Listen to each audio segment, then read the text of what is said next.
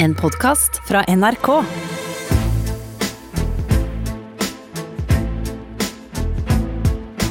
Trump mot verden med Gjermund Eriksen og Sean Henrik Matheson.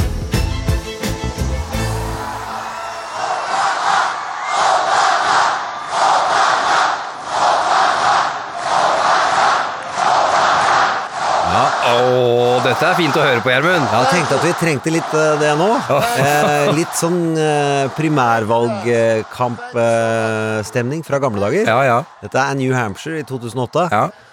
Så tenkte jeg at det er jo greit å huske på at der vi er nå, så er det ganske frustrerende. Skal komme tilbake til at det kan føles litt sånn mm, Nå er det litt for mye å følge med på. Det er litt vanskelig å forstå hva som skal skje. Ja. Og dette her er for akkurat den perioden i 2008, Ja. eh, og hvor Obama skal holde en tale i New Hampshire, som jeg syns det var jeg syns det kunne være fint å ta fram starten på en uh, type tale som er født i denne perioden. Altså som kom i en sånn vanskelig stemning som mange som følger det demokratiske primærvalget nå er i. Eh, fordi jeg hørte om da fødselshistorien til den talen Mm. på podkasten Pod Save the World, Ja. hvor uh, han ene, Ben Rhodes, er. Og som skildrer hvordan han, som var en veldig ung mann i 2008, Ja. som rett etter at eh, Obama vinner, blir sikkerhetsrådgiver i en alder av 25 eller noe sånt. Og. John Favreau, Ja, okay. han er 23 eller 24 og er taleskriver. Ja. De har kommet fra Iowa, første staten hvor Obama har vunnet. Ja. Og før Iowa så hadde de tatt og skrevet én vinnertale og én tapertale. Ja, for det er vanlig, det gjør man jo. Bare Ja, sånn for sikkerhets skyld. De seg opp, liksom. sikkerhets. Og så er de sendt i bil, for de hadde ikke så vilt mye penger. Og de må allikevel jobbe, så da sitter de med en PC i fanget og kjører og styrer. Og så er de Det var utrolig stemning ut av Iowa. Så det concession schmoncession, så vi skriver en uh, vinnertale, vi, tenker jeg. Ja. Og så hadde Obama brukt noen uh, ord i en, eh, i en debatt med Hillary Clinton som var, som var litt snappy. Ja. eh, som fikk litt oppmerksomhet. Ja. Og så hadde de tenkt at de ordene de kan vi klare å bruke og bygge opp mot i en seierstale, ja. som kan lande i de ordene. Mm. Eh, for det du ønsker kanskje mest eh, som taleskriver her i verden, det er at du kan engasjere folk, bygge opp, og det er god stemning, og så går du inn i talen mot slutten, og så skaper du eufori. Ja. Det vil si at folk mister seg sjøl i at dette er et av de største øyeblikkene. Ja. Eh, og det hadde de da dette tro på disse tre ordene. Yes, we can. Yes, we can, Ja rett og slett. Ja da, og så Ja. hadde de ideen om at hvis vi sier det riktig og bygger det opp, så vil folk kanskje begynne å rope det. Ja. Yes, we can. Så kan jeg drive sånn, og, do, do, do, og det var kjempefornøyd med seg sjøl. Ja. Og så ringer de Obama. Nå later jeg som at dette vet jeg alt om, men jeg tar gjenfortellingen, da. Ja. Eh, eh, og han sier du, jeg syns dette her er en veldig bra tale, men nå må vi jekke litt ned. Det sier Obama. Obama, her er det I en seierstale Ja. så må vi starte mye mer ydmyk, uansett. Okay. Eh, for da vil da, Det er ikke nødvendigvis hvor høyt du kommer, det er hvor, hvor du begynner å gå. Så det er det som er den emosjonelle reisen gjennom en tale. Så starter du lavere, Ja. så kan du nå høyere. Aha, ja, hvis du starter kjempehøyt, så where do you go? Ja, og så eh, og så trenger vi også fokusere ganske mye mer på at dette er en kamp hvor de er med. Ja. Det er ikke vår, vår altså, det er ikke vi som er en eh, kampanje som holder på, det er alle de som følger oss. Ja, det, menneskene. Ja. Ja. Og så syns de det er kjempebra, og de klarer å få det til, og alt mulig. Og så taper de så det synger! Ja, det stemmer. og så har de ikke noe concession speech. Ja. Og Obama er shellshocked, sier eh, Ben Rhodes. Han bruker ordet. Og de Han ble ja, opp- oppriktig tapte- overraska over at han tapte så mye. Tapte så ja, for det var jo helt drøyt. Ja, og så uh, We got our ass handed to us, Ja. sier han andre. Jeg liker litt sånn amerikanske snappy Det er gøy, kule det. setninger. Ja. Ja, og da sier, uh, Obama, sier de at beklager, vi får gå, så vi må ta en ny tale. Så sier Obama nei, den vil fungere bedre nå. Ja. Og så sier han for at nå vil folk skjønne hva motstanden er. Og dette var aldri ment at, vi, at dette blir gitt til oss. Yes we can betyr ikke at det er gjort. It at, yes it has been done. Ja. Uh, og så kan vi høre her et lite fragment av talen hvor motstanden og entusiasmen uh, møter hverandre. Altså De har kjent dette her er vondt, og så hører de han, De ropte Obama først, og så går vi inn der hvor de til slutt lander i ordene. Hør her. We've been asked to pause for a reality check. We've been warned against offering the people of this nation false hope. But in the unlikely story that is America, there has never been anything false about hope.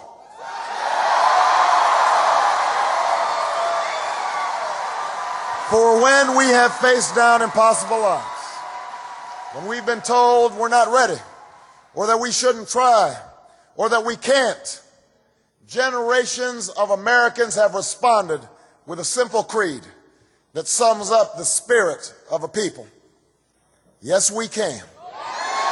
Yes, we can. Yes, we can. Oh my god, jeg får helt frysninger, Gjermund. Ja, jeg får tårer. Ja. Men jeg hadde ikke fått Altså, det, det hadde blitt sletta fra mitt minne at Ja. det egentlig var en tapertale. Ja, det Dette er en leder som står på en slagmark hvor han har tapt slaget, Ja. og han motiverer folk til å lappe seg sammen og bli med videre. Mm. Eh, det klarte Obama å snu stemningen i salen, men de Ben og John Ja. beskriver at de reiste tilbake til hotellrommet, og de var utrolig nedfor i et par dager. Ja. Før det plutselig tikka inn nyheter om at den talen var blitt sett mer på YouTube enn noen annen tale Ja. i denne fasen noen gang. Det har aldri vært en tale som har samla inn så mye penger så fort, så tidlig i primærvalgkampen. Så stemninga blei snudd. Åh. Og det er godt for en forfatter å tenke på at ord har betydning. Ja, det er deilig. Og det hjelper at du har Barack Obama, som er en ja, Altså levere ordene Ja. i riktig rekkefølge, Ja. med riktig trykk på de ulike ordene, eh, og til rett tid. Og hvor pausen er, hvor han, hva slags trykk han har i setningen, og når han går ned, og når han går opp. Musikaliteten som ligger i hans eh, gaver. Helt uten sidestykke. Ja, ja. Og så får han jo til å høres ut som han ikke leser det. Nei. Men han leser det. Han leser det Han har en eh, pr- prompter, Prompter. Han er god til å lese fra prompteren sin. Ja, det er vi glad for. Og det tenkte jeg at den talen Der vi er nå, Ja. så er det jo Håper jo ganske mange av disse kandidatene Det er én som leder, det er Bernie. Han Ja, har en, han har en klar ledelse. Og de andre bør ha en tale, for det er veldig få som kommer til å vinne etter Supertursday. Eh, og de bør se om de kan finne den type makt. For nå, det spriker i alle mulige retninger nå, Gjermund. ja, det, gjør det. Det gjør det. Men, og dette kan sammenlignes Hvis man skal sammenligne med film og TV, noe vi liker å gjøre, Det gjør vi. så er det nå inni det problemet at det er som å følge flere serier på en gang. Ja, det syns jeg er vanskelig. Det er, det er veldig, for du vet ikke hvem du skal heie med, annet enn de som er hardcore Bernie-fans. De har det utrolig bra nå. Mm, de digger det. Eh, ja, Og de som Det er er, hardcore Warren, de har det litt uh, dårligere, men de er jo ikke så mange. Nei, nei, nei. Uh, og Buttigieg sine er ikke så og da blir det ulike narrativer. Vi vet ikke hvem som er helten. Så det er litt sånn tidlig i et slag. Ja. Så kommer de ulike ut. Og så er det det slaget vi nå skal se, som skal avgjøre hvem er det som har bærende, ro- bærende roller i det videre dramaet i Trump mot verden. Dette kommer vi tilbake til. Ja. Det er helt sikkert. Kjære deg, velkommen til Trump mot verden. Jeg heter Sean Henrik Matheson, sitter her sammen med Gjermund Eriksen, selvfølgelig. Det er fredag formiddag, det er den 28. februar, dag 1134 av hans presidentskap. Taper han nære 326 dager igjen, uten eh, forbehold. Eh, Ja, vi har nesten vært litt innom det allerede, Gjermund, men ting vi skal snakke om i dag, det er annet Super Tuesday, selvfølgelig. Ja. Ja. Det kommer vi ikke unna. Eh, Vi skal snakke om eh, polarisering, eh, som jo verden, nesten vil jeg si, opplever mye av for tida. Også ikke minst USA. Og det kombinerer vi da med et boktips. Ja, for det er en bok om polarisering, men det er Vi får jo ikke snakke om alle sider av det, men en sånn grunnleggende forståelse som da kommer fram i den boka, hvor det er veldig viktig for amerikansk politikk, kampen mellom republikanerne og demokratene, men det er også kampen innimellom demokratene. Så er det jo polariseringsmuligheter, for å si det forsiktig. Helt klart. Eh, tre ting vi skal nevne, men ikke snakke så uh, veldig mye om eh, eh, koronaviruset, eksempel. Det er og- og noen andre, det er noen andre medier som dekker koronaviruset. Det er eksempel internett, radio og TV gjør det. det gjør vi. Ja, og amerikanske medier, er altså podene jeg pleier å få mye amerikansk politikk på, der er det ganske koronatungt. Det er det for tida. Eh, Mike Pence eh, er jo mannen eh, USA lener seg mot når det gjelder å, å holde orden på Ja, koronaviruset. hva tror du om han? Nei, jeg, jeg vet om han, jeg. Ja. Skal jeg fortelle hva jeg vet om Ja, han? gjør det. Eh, at han for å foreslå å bruke bønn mot eh, hiv-viruset i sin tid. Ja, det trodde jeg når du sa det, at det var bolle. Ja, du, sa du tenkte vårt amerikanske hud. Ja, Ja, men ja, å be seg ut av det, det er uh, lykke til, Pence. Ja. Andre ting? Uh, andre ting var vel noe med sprøyter. Han syntes at det ikke var så farlig med rene sprøyter. De kunne dele skitne ja, sprøyter. Ja, fader heller, liksom. Det er Ja. for seint allikevel. Fuck it. Ja, så det, men eh, Donald hadde jo pressekonferanse, Ja. eh, og gikk opp på scenen, og så kan vi jo høre her hvordan det foregikk. I'm going to be announcing uh, exactly right now that I'm going to be putting our Vice President Mike Pence in charge And Mike will be working with the professionals, doctors, and everybody else that's working. The team is is brilliant. I spent a lot of time with the team over the last couple of weeks, but they're totally brilliant, and we're doing really well. And Mike is going to be in charge, and Mike will report back to me. But he's got a certain talent for this. Det er, nå vet vi at Mike Pence er ikke akkurat den som har stått i sentrum Nei. for medisinsk forskning eh, og ledelse av eh, helse... Be, altså truende situasjoner for helsemessig. Og han som leder helse... Helseminister... Hva heter det? Helseministeriet var et eller Ja, annet. Ja, et eller annet sånt. Ja, ja. Departementet. Han er, ja, han er tidligere sjefslobbyist for eh, farmasøytene. Yes, så han har aldri hatt interesser som handler om publikum, men bare pengene. Mm. Og så har du den som er sikkerhetsansvarlig, Homeland Security. Ja. Han var også møtt opp totalt uforberedt til noen pressekonferanser. Donald på pressekonferansen Ja. Han var jo litt mer sånn Alt kommer til å ordne seg. Ja, nothing to see here. Kom igjen. Eh, og, sa vel et eller annet som lå om at nå er det 15 kjente. I morgen så er det kanskje nede i fem, for det går jo fort over her. Og så er det kanskje én, og så er det ikke så himla ille. Og vi har forberedt oss bedre enn noen, altså. Dette det er mange som sa at de ikke visste eh, at vi var så godt forberedt som vi var. Ja. Og nå viser det seg at vi var det. Det er helt nydelig. Han, han ror og ror og ror. Han- og så er det noen han- alvorlige ting. Han har liksom eh, Han har vunnet krigen før den har starta, som jo er eh, interessant, syns jeg. Men det er noen uh, viktige ting, og det er jo spørsmålet Tror du Donald tar mest hensyn til eh, hvem som bor der, Mm. eller er han redd for aksjekursen Hmm. og markedet og økonomien? Og det han prøver å snakke opp, er jo at økonomi Altså at eh, aksjebørsene ikke skal bli nervøse. Eh, og der så du man jo ganske klart og tydelig at de stoler ikke på Donald lenger. Nei, der har det dundra i bakken. Røde tall har ikke vært sett på årevis, hadde jeg nær sagt. Og så er vi jo veldig redd og bekymra for hva det kan bety å få Donald Trump i fire nye år, men mm. eh, er vi der hvor vi ønsker oss en økonomisk knekk for å oppnå det? Mm, Nesten. Jeg vil si kanskje at vi er det. Vi går videre. det går an å si det. Kanskje det ikke går an å si det. Det går nesten ikke an å si. Nei, det gjør ikke det. Eh, Vi skal ikke snakke så mye om eh, Michael Bloomberg og hans eh, debatteam. Ja, for der skjelte vi ut, og hvis de hørte på oss, Ja. så tenkte vi at vi må nevne For vi sa jo at det virka som han ikke var forberedt Mm. den forrige debatten i det hele tatt. Og da må vi si at nå har vi fått klare og gode kilder på at han har kjøpt det beste debattprep-teamet som finnes på demokratisk side. Mm. Du hadde jobbet i ukevis, mens Bloomberg eh, lærte ikke så mye. Nei, for de hadde holdt på i ukevis, sa du. Men Ja. nå har jeg tatt, nå husker jeg ikke hva han heter, debattledersjefen hans, men han har jo da selvfølgelig, som han jo selvfølgelig må gjøre, ta personlig Ja, ansvar for det. Det må han jo gjøre. Men eh, de har jobba og jobba og jobba og jobba. Han har bare ikke hørt etter. Men han var bedre i neste runde, det kommer vi tilbake til. Ja, ok. Eh, James Clyburn, oh, han skal vi ikke snakke så mye om. Nei. om. Veldig interessant type, riktignok. Og det syns vi at eh, For å få inn litt håp og litt godfølelsen om hva politikk handler om, og at ja, det er polarisering, men det er folk som holder sammen også. Dette er fyren i South Carolina som flest folk holder med. Ja, dette er en svart representant eh, altså fra South Carolina. Representantenes hus sitter han i. En av de viktigste der. Ja, og så er det 538 som driver og måler hva har betydning i ulike delstatsvalg, og setter sammen det til å prøve å forutse hva er som kommer til å skje ved å kartlegge og sette opp meningsmåling mot hverandre. De sier at denne personens støtte, det er den viktigste støtten i hele regnetabellen. Det helt. Han er så viktig, han. Han er Ja. så viktig, han. Og så er han så eh, Så har han fått beskjed av partiet Du får ikke lov å gå ut tidlig og si hvem du støtter. Mm. Så det var på onsdag han da skulle si det. Og så fortalte han om dette i en, eh, på en ganske rørende måte, Mm. om hvordan han måtte holde tilbake og holde tilbake. Så syns jeg det var litt søtt å høre at han er i en begravelse, og Mm. så tar en gammel kvinne og sier du er nødt til å komme, kom bort hit. Og jeg blir litt sånn krynkete og krokete i stemmen når jeg Ja. prøver å være Ja, gammel. Du må Ja. komme hit. Jeg Ja. må. Og så kan vi høre her hva eh, Den lille scenen som jeg syns var søt og fin. And finally, an elderly African American woman looked up at me, and I looked at her, and she kind of beckoned me to come over to her. And I walked over to her. She was there on the front uh, row uh, of the church, and she said, "Lean down here." And she whispered to me. She says, "I've been waiting to hear from you. A lot of people want to hear from you. Just whisper in my ear." who I should vote for.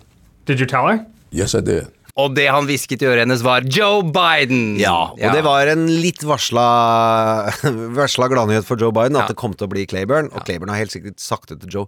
Men jeg syns denne fortellingen handler noe om håp og samhold. Mm. Altså at det er folk som stoler på hverandre, og folk som tenker at 'jeg har lyst til å høre hva den gjør', fordi da går jeg den veien. For det er vanskelig og komplekst, og det er jo egentlig Sett fra demokratisk, øh, demokratenes side, så er det jo ikke noen slemme gjøkekandidater.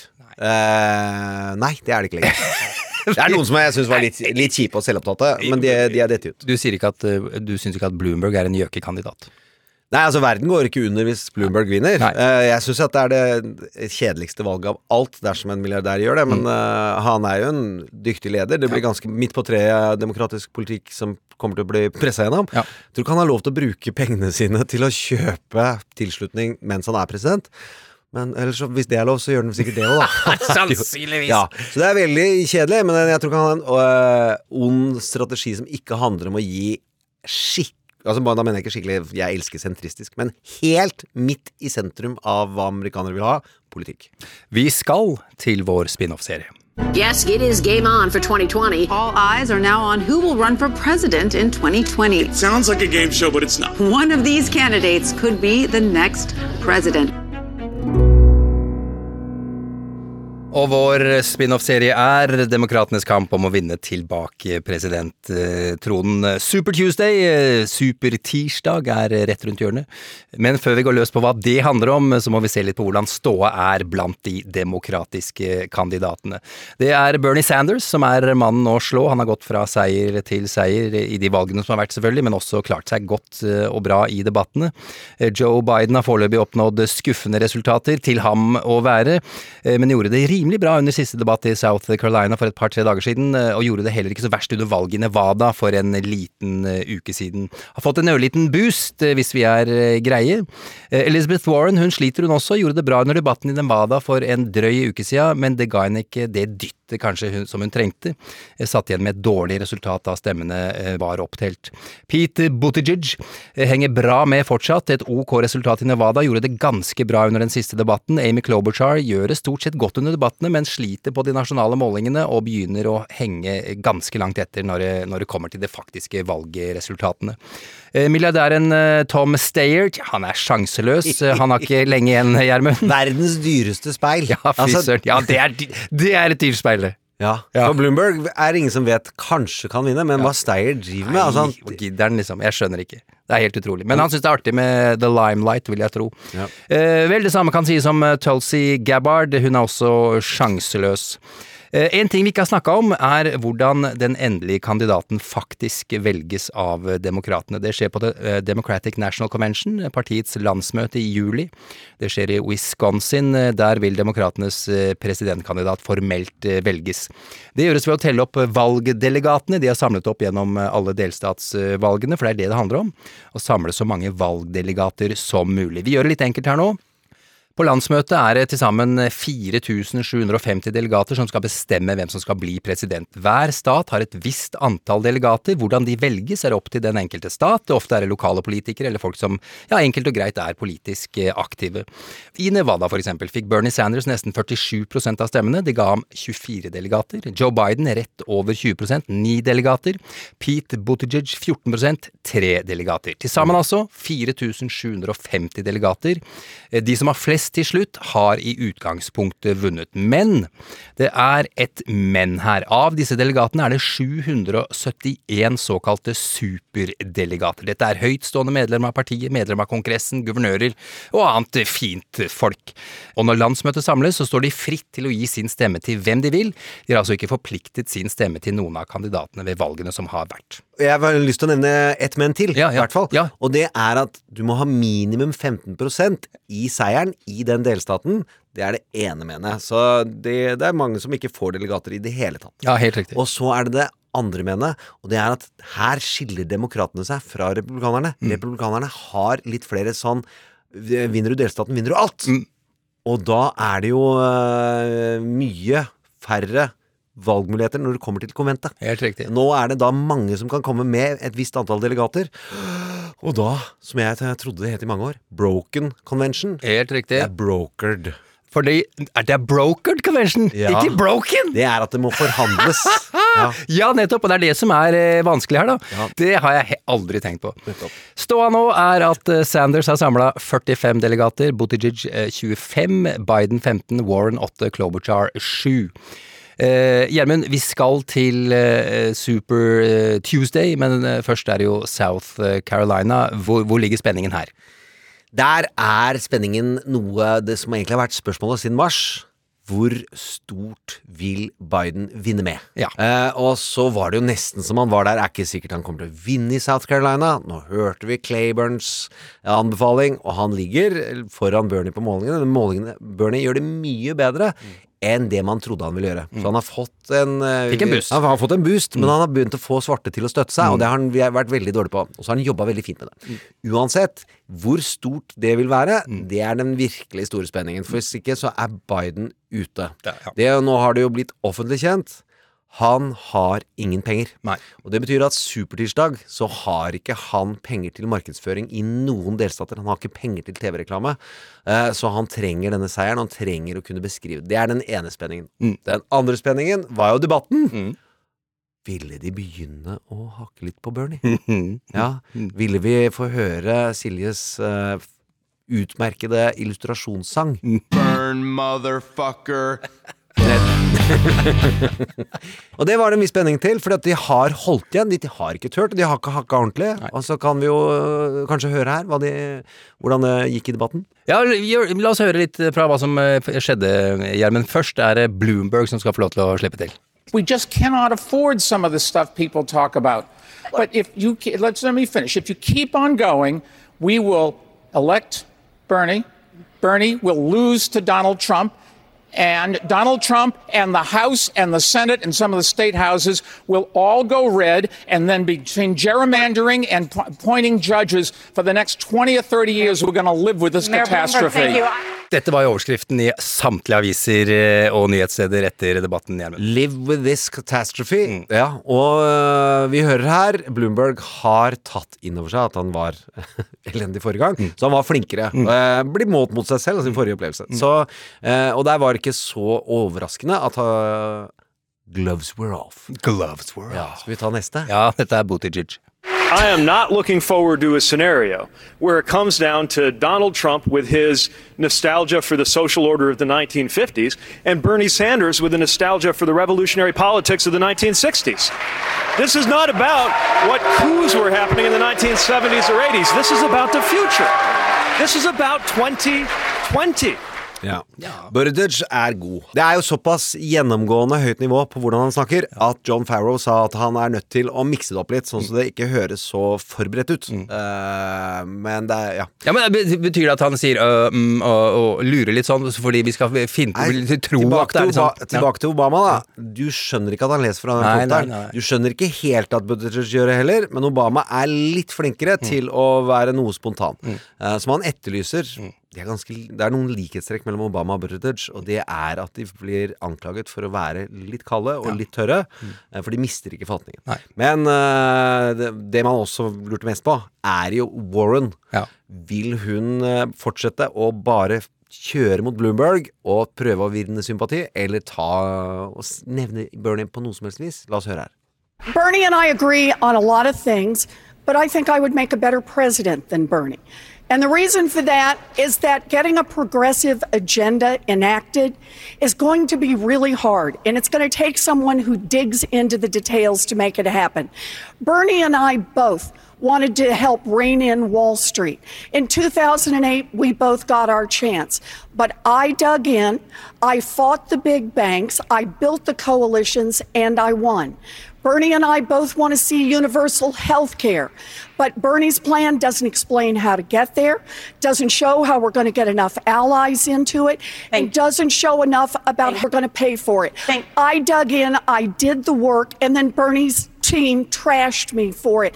We need a president who is going to dig in, do the hard work, and actually get it done. Progressives have got one shot, and we need to spend it with a leader who will get something done. Jeg heier alltid på Warren når jeg hører Warren snakke. Jeg mener jo at det er en skal bli president. ninja grandma. Hun gikk jo bare utpå der og Ninjastjerne dit, ninjastjerne der. Hun bare korsfesta alle. Fra fram til nå så har hun ikke drevet med nedsnakking. Hun har vært ganske bevisst på at hun kontrasterer ved å snakke om hva du har sagt og gjort, men ikke et angrep deg som person.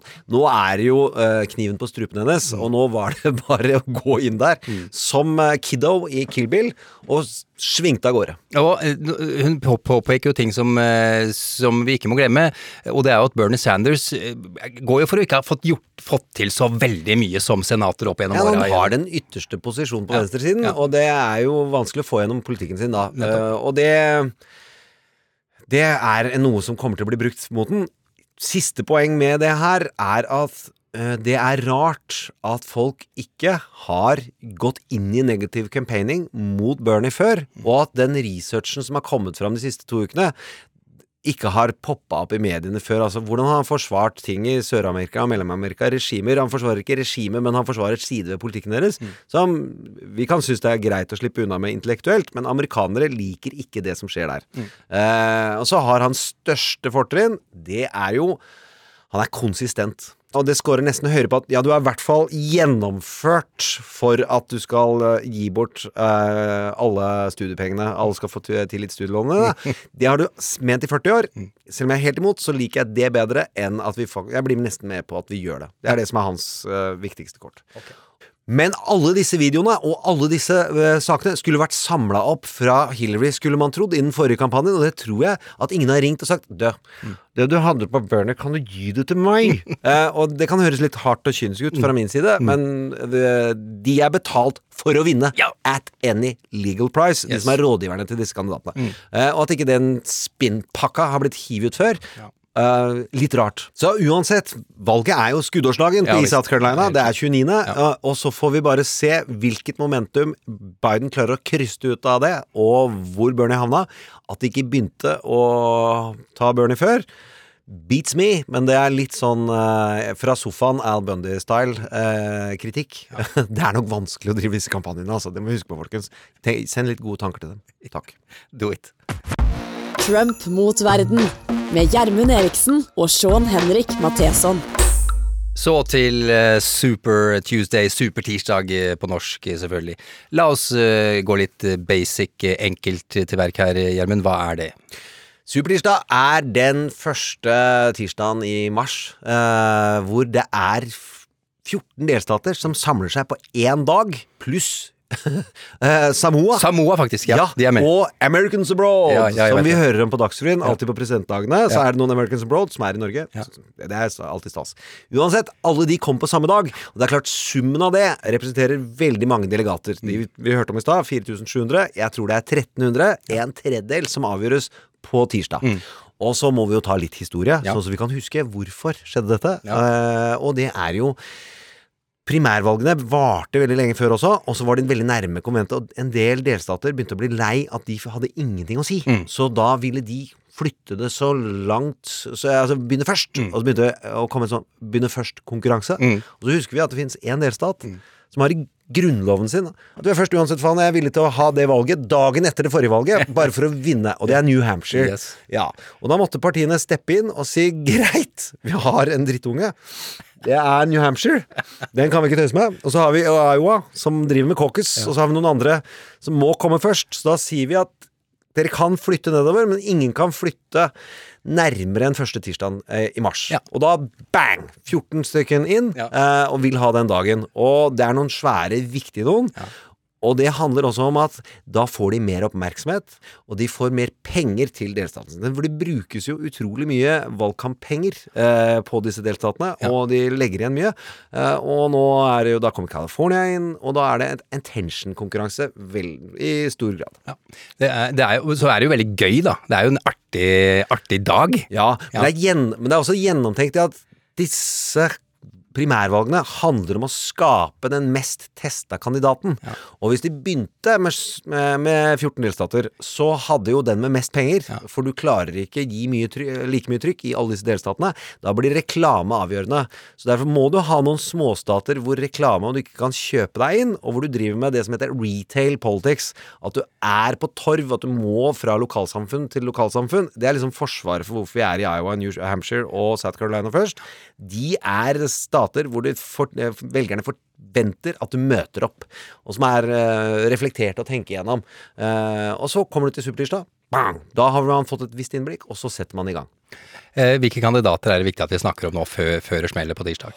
Det er jo Bernie. Eh, hvor godt han gjør det. Eh, mange tenker jo på Bernie som eh, sosialdemokrat, eller sosialist, eh, og at han ikke har så mye penger. Han har kjempemye penger! Han er Loaded. veldig god til å samle inn. Nå begynner de å omtale han som han har infinite, han også, for han er veldig flink innsamlings, eh, til å samle inn. Og han bruker veldig mye penger på reklame. Mm. Så han står veldig godt, og har brukt mye tid i California, eh, som har veldig mange delegater. Også Mm. Make it or break it for Biden, eller?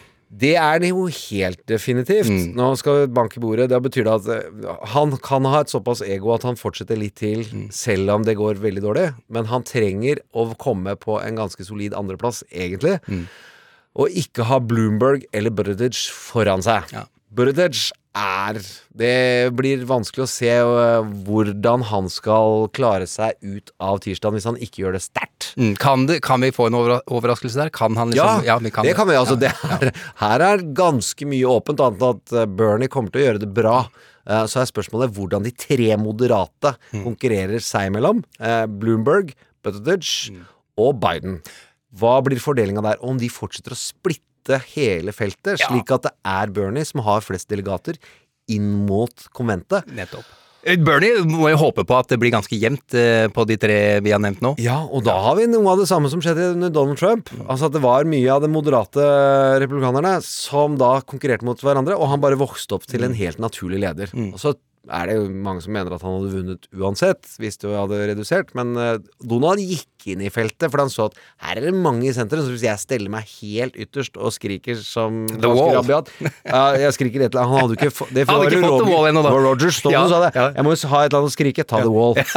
Så glem, Ja, det, kan det har noe med bygging og innvandrere å gjøre, Ja. så glemmer du ikke hva det er. The Wall. Og det- Ja, og den mekanismen, det er det vi lurer på om kan skje ut av uh, Supertirsdag. Mest av alt så får vi håpe at det blir en viss samling. At det ikke bare Altså at det ikke er fire på den ene siden, og vi får se hva som skjer med Warren, da. Mm. Men det blir nok vanskelig for henne også eh, å fortsette.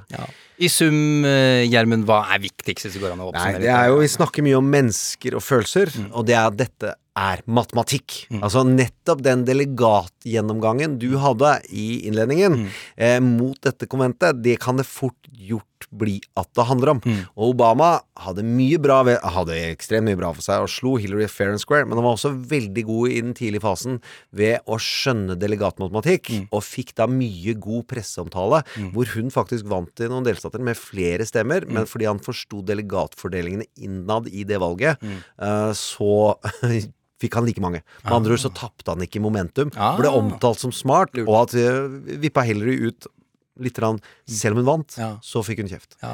Uh, så matematikken inn mot det, det er det som eh, avgjør hvem som blir det her til slutt. Og så får vi håpe at det blir en flertallsavklaring. Ja, for et brokered eh, convention, det er bare et mareritt, er ikke det?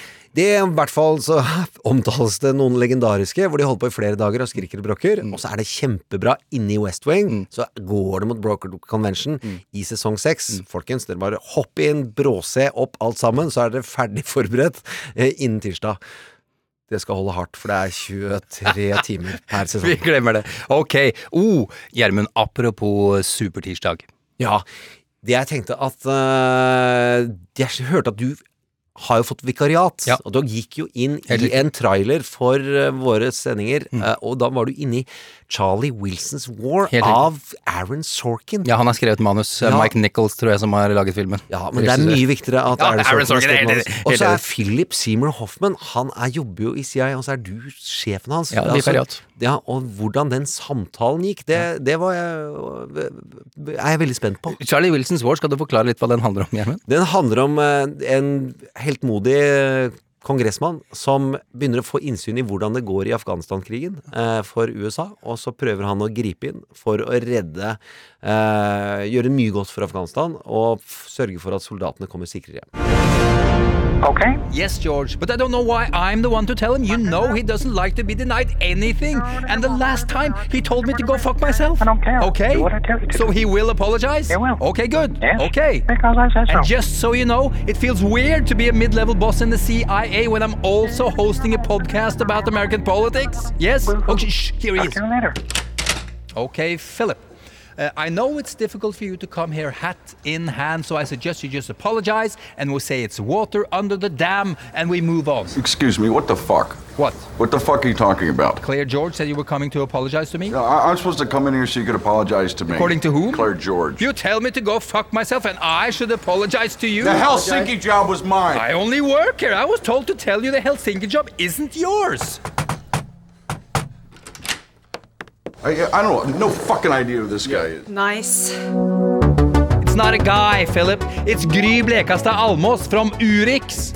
Ja, men hei, Gry. Hva gjelder det? Jeg lurte jo på om noen av dere i Trump mot verden kunne være med i Urix Supertirsdag, ikke sant? Altså, være med i Urix-sendinga Moderskipet? På NRK1. Ja, øh, han der Snakker han norsk, eller? Philip, skjønner du norsk? Finish! Ok, det tror jeg ikke funker. Jeg er enig, det blir litt rart, faktisk. Eh, kona mi jobber den kvelden, så jeg må være hjemme, men- Gjermund kan. Yes, bra. Veldig bra. Kan du da be han om å komme klokka 21.55 på NRK1 på tirsdag? Og så lurte jeg på en ting til. Kunne dere ha sagt noe om det i podkasten deres òg, eller? Ja, men Selvfølgelig skal vi det. Vi finner en eller annen måte å gjøre det der på. Altså, En metamorsomhet. Vi er, ikke alle har vår humor, men men sånn er det. Ja, ja, Strålende. Takk skal du ha. Ja, Alt i orden. Philip, you were saying Ja da! Trailer for Urix på tirsdag, folkens! En stor ære for Trump mot verden å bli invitert! Sangen tar grundig feil. Eneste vi vet, er at revolusjonen ikke nødvendigvis blir dramatisert, men den vil bli televised! The revolution will not be televised. Så jaggu, Gjermund. Du, Yes. du blir Ja, ja visst, søren. Du, Du blir sa dette. Ja, ja, ja. Du kan, da stiller du på, på Urix på tirsdag 21.55. Ja, dette er nå får mamma tårer i øya. Ja, jeg veit det. Må Ja. sette på eh, rekk, play rekk på, på Ja, dette er bucketlist. Dette er eh, Du må huske på at målet Andre gang du er der. Ja. Ja, andre gangen. Ja, men målet i livet var jo å komme på Dagsrevyen uten å ha gjort noe kriminelt. Det, det var det ingen lærere som trodde, men det har vi klart. Og nå, og nå er vi i et høyere mål, og det er Urix. Altså rett og slett eh, Man blir bedt om å komme til et sted. jeg gleder meg. Ja, det gjør jeg òg. Polarisering eh, er det noe USA opplever for tida, og som de har levd med de siste åra, så er det polarisering. En av våre helter, eh, journalisten, blogger og politisk eh, kommentator Ezra Klein, har akkurat gitt ut en bok om det, eller seint i, januar. Ezra Klein, bare eh, 35 år gammel, allerede en høyt respektert journalist, har jobba i The Washington Post, også i MSNBC. Eh, blir mye brukt eh, der. Etter hvert så har han også starta sitt eh, eget mediehus, kan vi kalle det det, Gjermund? Det kan du trygt si. Et medieimperium, kan Ja, du nesten si. Det er verdt mye penger, har eh, og har altså. en global punch. Vox heter det. Jeg anbefaler deg å, å, å eksempel like Vox på Facebook. Du får utrolig mye fine ting opp da. Det Ezra Klein er kjent for, er at han har en helt enestående evne til å forklare vanskelige ting på en enkel måte, og det liker vi jo. Vi regner med at han holder seg til denne her formelen i boka som heter Why We're Polarized, eh, Gjermund? Ja, det, jeg har jo ikke lest boka, men jeg har hørt på mye av intervjuene han har gitt eh, rundt forbi. Eh, og det syns jeg er fascinerende. Og noen anekdoter han kommer med, som ligger helt til grunn for å, hvordan tenke polarisering. Og så er jo polarisering noe som er knytta til følelser. Eh, og det er jo jeg veldig opptatt av i både serier og i politikk. Altså hvordan får man engasjert følelsene for å få folk til å mobilisere, gjøre den handlingen du vil, eller lagre den informasjonen vi ønsker. Eh, og polarisering eh, og emosjoner er nødvendig for at folk skal tenke forskjeller. Altså skape distinksjon og skape identitet. Dette er jeg opptatt av. Eh, da må man klare å engasjere emosjonelt Mm. eh, og få noen eh, Man rett og slett hekter sine egne tanker på 'dette er jeg'. Så driver jeg også med serier om identitet, eh, og hvor rasisme er veldig sentralt. Og der For å forstå det, så er det også de sterke følelsene som det engasjerer. Du har en eh, illustrerende historie om dette her, fra, fra virkeligheten, for å si det sånn. Ja, fra Esras virke Ja, virkelighet, da, ja, men ja. som jeg syns var en liten eye-opener. Og det er jo om en eh, som heter Tashville, eh, som var jøde, jøde. Og polsk jøde reiser til Tyskland eh, og vil studere. Accidentally så er det jo på 30-tallet, Ja, så han, han må reise derfra. Pokker. Ja, Ja. Så han reiser til Frankrike og studerer isteden. Eh, og så starter krigen, og han går inn i den franske eh, hæren. Eh, taper så det synger, og blir tatt til fange. Eh, og, men blir jo da ansett som fransk soldat, Nettopp. og blir jo da ikke gassa i hjel. Overlever, kommer ut, finner ut at eh, hele eh, familien i utrolig mange ledd er gassa i hjel og død. Og da tenkte han at fordi jeg ble oppfattet som fransk identitet, at gruppen min var det, så hadde de denne reaksjonen at jeg kunne leve. Og fordi han, min familie ble oppfattet som jøder først, og polsk nummer to, og uansett hva de jobbet med nummer tre, så måtte de dø. Og da ble han helt fiksert på å forstå hva er dette identitetspresset? Når begynner gruppeidentitet å oppstå? Og da gjorde han noen legendariske eksperimenter som det er Gjermund, som ikke er en matnatt-fyr Jeg har ikke gått på eh, realistlinja. Skal prøve å forklare. Ja. Nydelig. Få høre. ja. Men det er humanvitenskap allikevel. Ja, Altså, ja, ja. Sosialvitenskap. Det er ikke fysikk. Kom igjen. Greit. Og da uh, går han til en skole. Tar han masse, masse unger og sier nå skal dere komme inn én etter én i et rom. Og så henger det masse prikker på veggene, og så sier de hvor mange prikker tror du det er. Så sier barnet et tall, eh, og det tallet er irrelevant Er ikke for, for sorteringen. Nei, ja. Og Det er et poeng at det skal være helt irrelevant. Men da sier de greit, du er en overestimator. Altså, du Tror det er for mange prikker. Ja, Ja. Og du er en underestimator. Og barnet sier ikke riktig engang. Det er, det er ikke viktig. Og så går de, får de en gruppe, eh, gruppe og går inn i et rom, og da du, var, du ble det, og du ble det. Og så sier de, når alle barna har gått gjennom hele prosessen der, sier, vi må ta et lite eksperiment til. Eh, og da har de bare lekt helt fritt. Eh, kan ikke dere da Nå skal dere fordele penger til hvem dere liker bedre, og hvem dere liker dårligere. Og så har de noen kriterier på hvordan de fordeler det. Og da tar den siste Altså den grupperingen de havna i, så gir de seg selv mer penger, og de er veldig opptatt av at den andre ikke skal få. Ja, for du, du sa at de deles opp i to grupper, ikke sant? Ja. Overestimator og underestimator. Ja, men de, men de blir ikke instruert at nå er du å heie på, eller sånt noe. Og så var det Testa de på flere måter, eh, med om igjen og om igjen, for de syntes det der at det skulle slå inn så tidlig, det syntes de var rart. Ja, at, at man vil at sin egen gruppe skal ha mer, og de andre mindre. Ja. Men Gjermund, målet var jo, for den testen var jo egentlig å mislykkes, var det ikke det? Jo, det var for å skape et nullpunkt. Altså den meningsløs, den minste meningsløse inndelingen som ikke påvirker barn, den skulle han finne. Og det klarte han ikke, fordi det startet allerede der. Ja, og så gikk han over på voksne, og da han gjorde andre måter å sortere på, det, vil se på et maleri, si et maleri Uansett så ble det mindre penger til den du ikke var en del av, og eh, du ble opptatt av at du skulle vinne. Ja, det, altså det er ingenting som skal til før vi polariseres, med andre ord. Ja, før gruppeidentitet dannes. Og så tenker dere at dette er et kontrollert Altså dette er, høres ut som en liten lekegrind, men dette er gjort og gjentatt på utrolig mange ulike former. Eh, at vi mennesker, vi sorterer oss selv veldig raskt. Og i reklame- og kommunikasjonsverden, der jeg kommer fra, så er jo det en ting vi jobber med. Der har vi noe som heter fear, uncertainties and dissatisfactions. Okay. Eh, og det er jo at du går inn i følelsene og finner ut hva frykter du, hva er du usikker på, og hva er du misfornøyd med, og så prøver du å bli svaret på det. Eh, og denne typen å fòre misnøye og skape grupper er én teknikk som man bruker da for å få folk til å gjøre som de vil. Ja, men det er jo ikke helt vilt å overføre dette her til eh, amerikansk politikk, kanskje eh, politikk generelt, eh, egentlig. Så hvor skal vi begynne der, hvis vi går inn der? Ok, men Det Ezra er veldig flink til, er å begynne historisk. Det har vært mye verre før. Altså veldig mye verre. Eh, ja, polarisering i USA og i en del kulturer. Men det som har skjedd, er jo at du får flere gruppeidentiteter som et menneske. Eh, så jeg er hvit, 47, jeg er rural, født på Mysen, flytta til Oslo.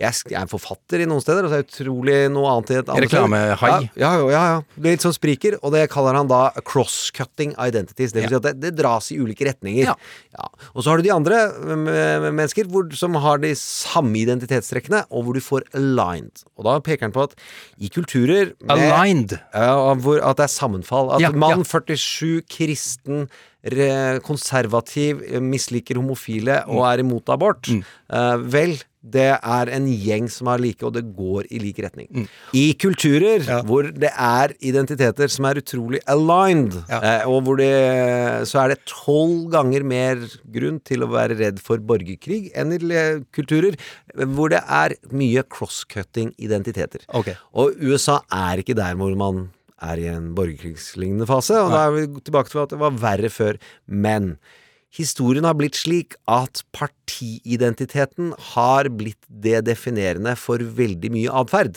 Og sånn var det ikke tidligere. Da var det jo mulig å være konservativ og liberal innenfor det republikanske parti, men også i det demokratiske partiet. Det store skillet som skjedde med borgerrettighetsrevolusjonen, da mista de eh, sørstatene og alle republikanere i nord, ikke alle, men mange, fant ut at det, vi blir demokrater. Eh, Med andre ord så ble partiidentitet viktigst. Og nå har vi jo da en polariseringsmaskin som ligger inni social media. Nemlig at vi da begynner å henge bare med oss selv og bruke hverandre som speil. Helt riktig. Og så er det mange andre sider ved amerikansk politikk dette påvirker som subkultur, og hvor hans viktigste språkbilde ikke nådde boka, men som jeg hørte i podkasten. Ja. det syns jeg var artig, og det er at amerikanske medier er altfor flinke til å beskrive blomstene, og ikke den marken som skaper dem. Nemlig at eh, polarisering, det er noe av det viktigste for å forstå alle enkeltfenomenene enkeltmenneskene som vinner eller taper i amerikansk politikk. Donald Trump er, en, er en polariserende figur, men mest av alt så var verden polarisert før Donald Trump kom. Akkurat. Ja. Og så har vi inni det politiske systemet USA, som skiller det fra Norge, er jo the checks and balances, og at de har kontroll kontrollmekanismer mellom seg. Og det betyr de må bli enige. Hvem har kontrollmekanismer? Eh, Representantenes hus Ja, må nettopp. Samarbeide med Senatet, som må samarbeide med presidenten. Eh, og i, de må samarbeide, for ellers så blir det gridlock. Med Mm. andre ord så er polarisering fremmer gridlock-situasjoner. Det Mm. betyr at det låser seg mye raskere i USA enn det gjør i et parlamentarisk system. Mm. Uh, og det er det som er skadelidende. Og da mener han at her må vi jobbe, fjerne noen mekanismer, for eh, polarisering kommer ikke til å gå vekk. Det er viktigere nå at vi går inn i en fase hvor majoritet får gjort noe i fire år. Passe på å ha gode demokratiske mekanismer, sånn som man ikke majoriteten begynner å jukse, slik at minoriteten får stadig mindre makt. Mm. Akkurat nå så er det pga. gerrymandering og hvordan elektoratet fungerer i USA, så har minoriteten flertall i Senatet. Eh, og det syns han det går an å se på, ikke som en revolusjon, men begynne å se på disse mekanismene. Du kan ikke si gerrymandering uten å kjapt forklare hva det er, fordi det er viktig. Det er helt seriøst. Ja, jeg eh, På engelsk går jeg aldri under navnet Gjermund. Eh, der har jeg sagt at jeg heter Jerry. Ja. og noen ganger så løper jeg gjennom korridorer fullt av mange mennesker, og det er gerrymandering. du vil ikke forklare I dag det er det det. okay. Nei, men det er en måte å, å manipulere valgdistriktene på, da, slik at, slik at for eksempel hvis det er 100 mennesker i et valgdistrikt, så er det 30 av dem som er hvite, så er det 70 av dem som er svarte, og så er det, skal det deles opp i fire valgdistrikt der, og så gjøre sånn at eh, det er de 70 svarte får bare én representant, mens de tre, 30 hvite får tre representanter. Damn, Sean! Den der var jækla bra! Ja. Det har du rett i. Og det var også eh, filibusteren i Senatet, hvor én representant kan blokkere alt, eh, er utrolig blokkerende. Og så har du det at the nuclear rule, at eh, en, en god del beslutninger trenger 60 stemmer i Senatet, og ikke 51. Det er disse mekanismene som dessverre gjør at polarisering eskalerer og ikke blir mindre. Men uh, vi kan ikke ta alle. Nei, nei, nei, all dette er polariseringsforståelsen, identitetsforståelsen, det kommer til å bli viktig i demokratenes primærvalg. Og så blir den jo kjempeinteressant i det store valget, showdownen. Den demokratiske kandidaten, klarer han til å være like god til å mobilisere på våre ulike gruppeidentiteter på demokratisk side? For det er jo mye mer fragmentert på demokratisk side. Helt klart. Forrige gang det var ganske mange mennesker som tenkte Nå kan man si at Hillary var en dårlig kandidat. Ja, øh, jeg syns jo ikke det. Jeg var ikke god nok i kommunikasjon, men uh, veldig mange blei hjemme, da. Vi skal til ukas karakter. Attorney General Bill Barr recently made big headlines. Hold Attorney General William Barr in contempt. Attorney General Bill Barr do a bang up job. Bill Barr. Wow. Jeg elsker at han sier Bill Barr. Wow. Ja, men det, det er det forrige det Birollegalleriet vi nå det beskrev, hvor det handler om hvem som skal kunne spille alle disse ulike birollene. Mm. Så er det veldig morsomt å tenke hvem er det som skulle spille bare Bar? Og Ja. få Hvem skal kunne, reflektere den identiteten, eller hva, hva ved Bar er det man finner eh, gode assosiasjoner til? Ja, det var en konkurranse vi også hadde for, et, en uke eller to Ja, siden. og da må folk huske Dere må huske nå, dette er justisminister Barr, Ja. eh, som dere kanskje har sett for dere. Ja, Google litt hvis dere har glemt åssen han ser ut. Ja, og da tror jeg det er lettere å få noe ut av disse forslagene. Og da må jeg si at det var, det var bredt og godt. Ja, det er et par store overraskelser, eh, men som jo likevel er helt opplagte når vi ser bildene satt opp ved siden av hverandre. Eh, som sagt, Google eh, William Barr, hvis du har glemt hvordan han ser ut. Eh, utgangspunktet for denne konkurransen var vel at du sa at han ligner på John eh, Goodman, eh, du vet gamle skuespilleren En stor favoritt. Ja, Ro- Roseanne i gamle dager, eh, Righteous Gemstones nå på HBO for tida, og så ikke minst var han jo med i The Big Lebowski. Ja, det må vi høre litt her. Am I the only one around gives a shit about the rules? Market zero! They're calling the cops, man. Put the piece away. Market zero! Walter, put the piece away. Walter? You think I'm fucking around here? Market zero! Det er en favoritt. Det er en av de beste filmene i verdenshistorien. er Må, når det gjelder John Goodman, også nevne han er eh, president i Presidenten. I, The, i West Wing. Ja, stemmer det! Var han, hvor, hvordan blir Han kommer jo, inn, han kommer inn men, som, han er jo tar men over! folkens, gå Ja. og se den. Oh det er en God! fantastisk sesong. Det er fordi at han er leder i Representantenes hus. Ja! Så må eh, presidenten gå av midlertidig. Visepresidenten har skandalisert seg selv, så han er- har det ikke. Og da er det nummer tre som styrer landet. Og inn kommer John fricking Goodman. Gud, det hadde jeg glemt. Det er helt fantastisk. Eh, Nå må den serien, serien ses igjen. Uh, ok, vi, vi må nesten plukke ut noen vinnere denne gangen her, uh, nettopp fordi det var noen helt fantastiske overraskelser. Eh, Hva sier du, Gjermund? Det er ingen som blir krenka av det, tror du det? Nei, det er det ikke, har og det- sånn- all- vi får ikke lest opp alle. Nei, vi får ikke det, Vi tar noen her. Eh, fra Truls. Og, da, og vi, nå tar vi ikke alle vinnerne, for Nei, det, det er nei, ikke kaffekopp. Altså, vi har gått gjennom budsjettet. Dette er NRK. For all del. Det, vi får lisensprosesser. Tre kopper. Tre kopper, og de kommer til slutt. Eh, Begynner med Truls. Han sier Norm fra Cheers. Oh, great. I'm unemployed. Viktig med å huske på Norm er at han holder moralen i baren, og derfor heter han Norm. Fred eh, Flintstone er også mange som eh, mener. og det er her er det lett å jobbe visuelt, altså. Og jeg eh, fniste godt. Og denne syns jeg er veldig, veldig søt, og som er overraskende, men igjen helt opplagt. Ludvig fra Flåklypa. Ja, der er det det at det visuelle er veldig nært, eh, og han ser litt sånn overraska ut innimellom, for han har disse rare brillene, eh, Bar også. Men det er når han åpner munnen, så har han en ekstremt kontroll på ordene sine, og veldig god til å virke som at du snakker med en fornuftig mann. Det gjør, det gjør du, men han har tenkt å bruke fornuften til at Donald Trump skal sitte i 20 000 år. Ok. Eh, Ragnhild kom en eh, litt mer karakteraktig eh, greie her. Doug Stamper fra House of Cards. I took the back door in, I'll take the back door out. Ja, og det er en av de bedre framstillingene av hvor kompromissløs en spinndoktor og en nærmeste rådgiver jobber. Og så er den samme skuespilleren har hatt noe av den samme funksjonen i en legendarisk serie som heter Damages. Å, oh, den er god. Ja, Den er god. Uh, Så dette er en god, uh, god mann, altså. God, god type. Utseende igjen. uh, Peter Griffin fra Family Guy. Oh my God, who the hell cares?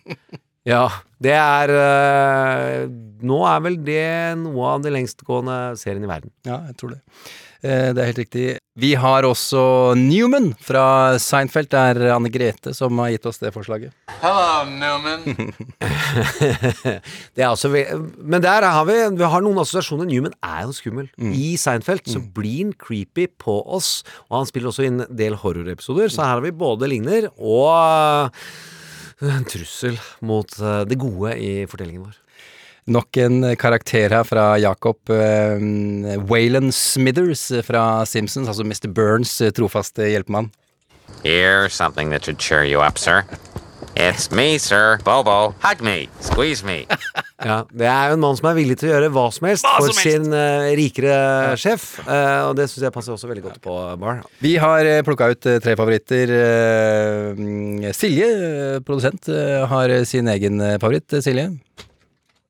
Å, dette er dramatisk. Hun kommer inn, og lyden er dør. Du må fortelle. Ja, akkurat Fortelle. Nå trodde jeg det var Gry Blekstad, Alma, som skulle komme. At det var det som skjedde en gang til. Åh, du vil ha sånn eh, Trump reality-shit her, som bare Å, Nei, det nå var tøys. kommer! Ja. Jeg, jeg prøvde å sette den opp og spille på traileren. Det er bare meg. Jeg tøysa. Silje, Ja. eh, hva er eh, din eh, favoritt? Du, jeg har funnet en eh, fra Sigve, som ikke egentlig Altså, f- den fysiske likheten syns jeg ikke er det viktigste her, men jeg syns Sigve forklarer det godt i sin eh, beskrivelse Og her. du er enda flinkere enn oss. Du, har- du Ikke går si til det, Gjermund. svaret. Vi er gode. Hør, hør nå, Gjermund. Sigve skriver George Costanza. Eh, også litt på grunn av fysisk likhet, men begge er skruppelløse. Mestere i manipulasjon. Eh, men argumenterer mot seg selv hvis situasjonen krever det. Det kan du sikkert Det er jeg veldig enig i. Er du enig i det, ja. Ja, jeg er veldig enig. Ja, ja, ja. Begge vil gjerne ha hovedrollen, men når ikke helt opp. De opererer på forskjellig nivå. Men triksene er de samme. Da må vi Seinfeld-faglig bare ta en viss uh, sesongbue, der hvor han uh, har tross alt feila veldig lenge, og bestemmer seg for å gjøre det motsatte av hva han egentlig vil. og det er da han kommer til toppen og blir uh, høyt oppe i baseball og får alt som han vil. Ja, opposite det. George, Ja. det og opposite Bar tror jeg ikke når de samme målene, for da hadde jo han jobbet veldig godt for Elizabeth Warren, og hun hadde blitt president. Ok. Eh, Jeg har et forslag her fra, fra Erik, eh, som jeg, jeg daua da jeg så det bildet på, på Facebook. Elton John! Oh my god, liksom! Ligna ikke det helt sykt til? De, De ligner veldig. Det var sånn at Jeg satt også og så på konkurransen, eller så på bar, eh, på video, og så kommer sønnen min bak seg og sier 'Hvorfor ser du på Elton John?' For han Ja, følger ikke med på bar. Bar. Ja, det, Det er- for han har sett filmen om uh, Elton John. Uncanny, som det heter. eh, Gjermund? Uh, Jeg går ja. for uh, humor, innsiktsfull visuell sammenligning, som jeg lo um, umiddelbart høyt av, Ja. fordi jeg hadde ikke tenkt på tanken sjøl, og det er ikke en film jeg har sett få ganger. Nei. Det er karakterskuespilleren som spiller seg selv, faktisk, Ja. i eh, Star Wars. Eneste. Ja. Jabba the Hutt. Det er barnslig, folkens. Innrømmer det. Men Barr Bar fortjente den ørefiken. Silje, hva syns du hvem er øverst? Og aller øverst Jeg syns faktisk at Elton John må stikke av med den. Og det er fordi at det er eh, Det var overraskende, men når du først ser det, så kan du liksom ikke Du får det ikke Nei. ut av hjernen. Så nå er Elton John er litt ødelagt. Og jeg vil si at det var flere som etter hvert uh, foreslo Jabba. Ja, det det. jeg jeg syns det er utrolig godt spotta av alle, for at i den feeden ikke sant, så gjemmer de seg. Ja, ja, Det er ikke sånn at man kopierer. Så det Nei, er bare å hive inn, folkens. Ja, det er bare å fortsette. Det er, det Og så få, jeg syns alle kan få kaffekopper. ja, jeg er helt enig. Det har vi ikke penger Nei, det, åh, jeg holdt på å gi, kaste inn der med en gang. Ok, Men det er i hvert fall Andreas som har kommet med Jabba the Hutt. Det er eh, Erik som har kommet med Elton John, og så var det Sigve sin det, Silje, var det ikke det? Jo, det var Ja, det. ja. De får kopp. Ja, ok, nydelig. Kan vi ikke bare fortsette forrige ukes eh, konkurranse? Altså Ja. låter som starter episode én av sesong én av Trump mot verden? Jo, og det- jeg syns det ble en veldig morsom spilleliste, og vi fortsetter å oppdatere den på Spotify. Se der hvordan vi jobber i flere medier. Ja. Men det er rett og slett verdt å høre på spillelista. Og så tenkte jeg at da kan fortsatt folk legge ting i den feeden. Ja. Har uh, ukas spørsmål, spørsmål, uh, Gjermund. Det er fra Martin. Uh, hør på dette her. Ødelegger Bloomberg med alle sine penger for de moderate kandidatene Biden, Buttigieg og Klobuchar, med den følge at han gir nominasjonen i fanget til Sanders, Bernie Sanders. Ja, det jeg tror at de kandidatene vil si at han ødelegger. Eh, fordi her kommer det en fyr som ikke har vært engasjert og ikke har gått den tradisjonelle demokratiske veien. Han vil kjøpe seg rett inn i Supertirsdag eh, og bruke masse penger som ingen andre har. Eh, noen har brukt ordet korrupt. Eh, det er det jo ikke, for det er ikke ulovlig. Men det er jo kanskje ikke noe å hige etter at vi lager det til en rikmannskonkurranse. Og så skjedde dette etter en høyesterettsdom som ga frislipp av penger i 2007 eller noe slikt. Det er da man kunne begynne å se disse mekanismene. Så vil jeg si Steyer har hivd inn masse penger, har ikke kommet en centimeter. Bloomberg har vært ordfører i tre runder. eh, vært næringslivsleder. Ja, han er kald og klønete. Uh, vi, vi går ikke til grunne med han som president. Nei, det er greit å vite Det vite kan vi gjøre med Donald, folkens. Det kan vi gjøre med Det Donald. kan. Eh, kjære deg, du som hører på, anbefal oss til eh, venner og kjente. Jeg regner med at du vil utvide den sirkelen ja, litt igjen. Ja, men det er jo det er, Man skal ikke spille på frykt, men det er Nei. klart at når du er i nærheten av en antibac eller vasker hendene, og du møter andre mennesker, så si 'jeg har det veldig bra' dersom jeg vet at du også hører på Trump mot verden. Eh, da tenker jeg at det blir litt mindre vondt her i verden. Eh, det tror jeg er helt naturlig. Eh, Silje eh, Martinsen Men helt alvorlig, anbefale oss. Ja, Vi trenger alle sammen. vi trenger lyttere. Eh, Silje Martinsen Vettere, tusen takk for at du har eh, laget denne sendinga sammen med oss. Bare hyggelig, Vi bare hyggelig. klarer oss ikke uten deg, du veit det. Um, trailer for eh, neste uke, hva vil du si om den, Gjermund? Nei, du var jo inne i en samtale der med Philip, så jeg tror vi bare må høre hva han tenkte om at du, til, at du måtte be han ikke eh, jobbe i Finland, da. Ja, like greit. Philip, Philip, Philip, you are too rude and too coarse, uhøflig for the job, and Donald is president, and you know, he thinks you're not loyal to him. Yes, I think he's wacko too, but... Yeah, well, I'd like to take a moment to review the several ways in which you're a douchebag. Philip, it's Donald. He fired the leader of DNI last week, and I'm sorry, but oh, don't go out. No, oh, don't take that hammer. God damn it! My loyalty? For 24 years, people have been trying to kill me. People know how. Now, do you think that's because my dad was a Greek soda pop maker, or do you think that's because I'm an American spy? Go fuck yourself, you fucking child. Sorry, Philip, we love you. We do. It's true. You know what? I quit too. It's no fun working in intelligence with Donald on top. It's unintelligence. No smile. Don't smile. Okay, sorry.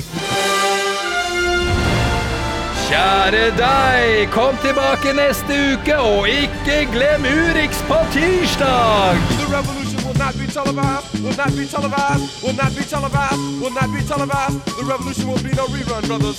The revolution will be live. Du har hørt en podkast fra NRK. Hør flere podkaster og din NRK-kanal i appen NRK Radio. Hei, vi er Med all respekt. Liker du rasisme? Elsker rasisme. Som tema, vel å merke. Liker du å bli kalt morapuler? Liker du å holde det ekte? Kjærminer. Da er denne podkasten for deg, deg, deg. Dette er fire dudes på 30 som sier ting som de kommer til å få sparken for om ti år tidligere. Dette er Abibakar Hussein, Anders Nilsen, Galvan Mehidi, Sandeep Singh. Last ned Med all respekt og andre podkaster i NRK radioappen.